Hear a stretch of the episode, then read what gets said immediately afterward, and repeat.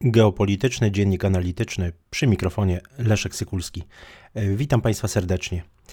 26 e, listopada tego roku doszło do podpisania traktatu kwirynalskiego. E, przywódcy Włoch i Francji, no, czyli prezydent Francji Emmanuel Macron, prezydent Włoch Sergio Mattarella i premier Włoch Mario Draghi podpisali porozumienie, którego celem jest wzmocnienie relacji na osi Paryż-Rzym, tak aby no, stanowiło to, można powiedzieć, wzmocnienie działań na rzecz autonomii i suwerenności Unii Europejskiej. Tutaj warto wspomnieć o tym, że Historia tego traktatu sięga 2017 roku. Wtedy po raz pierwszy prezydent Emmanuel Macron zaproponował e, Włochom zawarcie takiej dwustronnej umowy o pogłębionej współpracy. O tych, te plany tak naprawdę mm, pojawiły się już z taką zdwojoną e, siłą w tym roku. Mówiłem o nich e, na początku sierpnia. Wspominałem, że do zawarcia tego traktatu jest całkiem, całkiem blisko i ma być to swego rodzaju taki lewar, którego władze francuskie chcą użyć, aby wzmocnić swoją pozycję wobec Niemiec, ale nie chodzi tutaj o żadną e, konkurencję, chodzi o tak naprawdę jeden kierunek, a tym jednym kierunkiem ma być budowa superpaństwa europejskiego. Ilekroć słyszymy od polityków, czy to niemieckich, czy to francuskich, czy włoskich, o budowie bardziej suwerennej Europy, zresztą to bardzo często podkreśla chociażby podsekretarz do spraw europejskich Republiki Włoskiej e, Vincenzo Amendola, że chodzi o tą bardziej suwerenną Europę, no to widzimy, że tak naprawdę jest to kwestia jeszcze większej centralizacji i stworzenia instrumentów e, dla rządu europejskiego, tak aby Unia Europejska była podmiotem geopolitycznym w no, pełnym tego słowa rozumieniu, czyli była po prostu państwem, państwem federalnym. E, I w tym kontekście Ostatnie lata rzeczywiście e, były, były, można powiedzieć, bardzo istotne w, e, pod kątem wzmacniania tej współpracy francusko-włoskiej. No, faktem jest, że w 2018 roku była czasowa e, przerwa, była taka pauza, że tak powiem, jeśli chodzi o pracę nad tą umową.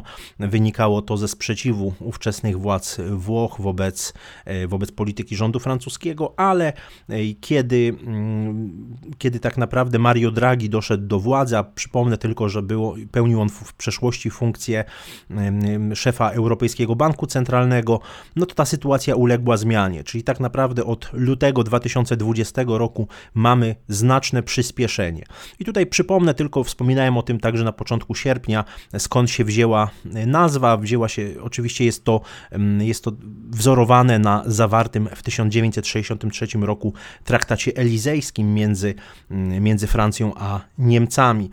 I w tym kontekście niewątpliwie y, wzmacnia to pozycję i Paryża, i Rzymu, zwłaszcza przed różnego rodzaju szczytami y, Unii Europejskiej. Oprócz tego uzgadniania stanowisk przed szczytami Unii Europejskiej, podobnie zresztą jak to się dzieje między, między Francją a Niemcami, na pewno będziemy mieli sytuację, gdzie poszczególni ministrowie włoscy i francuscy będą się e, spotykali e, częściej mm, i e, no, mamy do czynienia moim zdaniem z takim formowaniem się nowej osi mm, geopolitycznej, której celem jest budowa mm, europejskiego państwa federalnego.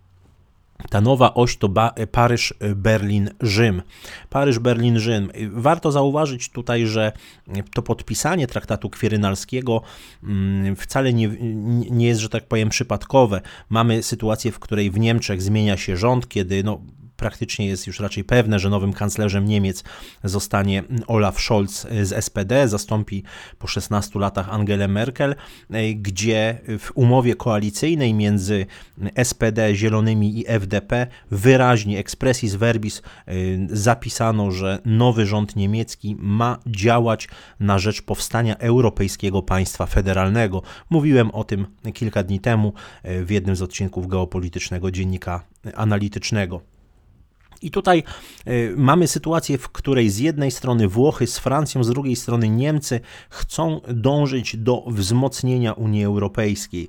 No, myślę, że y, tutaj fundamentalnym pytaniem, jakie warto sobie zadać, y, jest to, czy tacy politycy jak, jak Olaf Scholz, Mario Draghi i Emmanuel Macron myślą o takiej samej Unii Europejskiej, o takim samym państwie federalnym. No, to jest moim zdaniem jedno z, naj, z najistotniejszych pytań i także kwestia tego, w jaki sposób Unia Europejska ma się rozwijać, czy Francuzi i Włosi w tym pakcie kwirynalskim, że tak to określę, będą dopuszczali, podobnie jak Niemcy, możliwość tworzenia Europy różnych prędkości, czyli tych różnych prędkości integracji.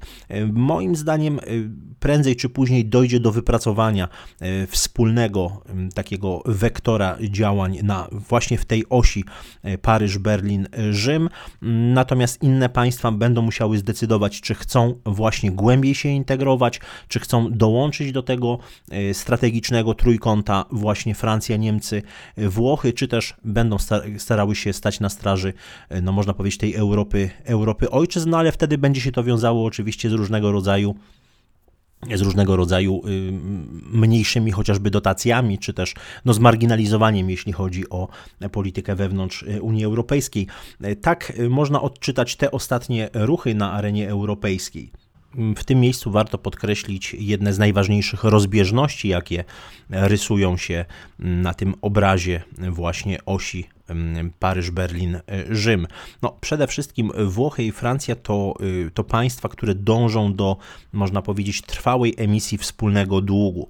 Mm, chcą, aby mm, Fundusz Odbudowy Unii Europejskiej był niejednorazowym mm, takim, można powiedzieć, no nie, nie incydentem, nie jednorazowym e, wydarzeniem, ale był y, stałym instrumentem wspomagania państw członkowskich, a także no, widać bardzo wyraźne starania Paryża i Rzymu na rzecz y, takiej pogłębionej reformy y, Paktu Stabilności, y, który miałby wpłynąć na różnego rodzaju inwestycje, czy to prospołeczne, czy proekologiczne. Natomiast patrząc na, na chociażby nowego niemieckiego ministra finansów, Christiana Lindnera, widać, że jest on zwolennikiem prowadzenia bardzo oszczędnościowej polityki i generalnie jakby jego pogląd na te kwestie dotyczy nie tylko Republiki Federalnej Niemiec, ale także w ogóle Unii Europejskiej, więc tutaj ja bym dostrzegał właśnie taki jeden z taki, jedną z takich rys na tym, na tym firmamencie y, działań na rzecz Europy Federalnej, ale myślę, że nie jest to coś, co byłoby trwałą przeszkodą, co uniemożliwiłoby działania na rzecz właśnie y, tej pogłębionej suwerenności Unii Europejskiej. Myślę, że prędzej y, czy później, w ciągu najbliższich kilku lat, dojdzie do wypracowania szczegółowego modelu takiej pogłębionej integracji i stworzenia właśnie ram i, i warunków do, do uzyskania przez Unię Unię Europejską podmiotowości geopolitycznej. Wszystko wskazuje na to, że dzisiaj w najważniejszych państwach członkowskich Unii Europejskiej, najsilniejszych i to pod, pod kątem gospodarczym i pod kątem militarnym, zwłaszcza we Francji i w Niemczech, mamy do czynienia z dążeniem do budowy europejskiego państwa federalnego. Dziękuję Państwu za uwagę.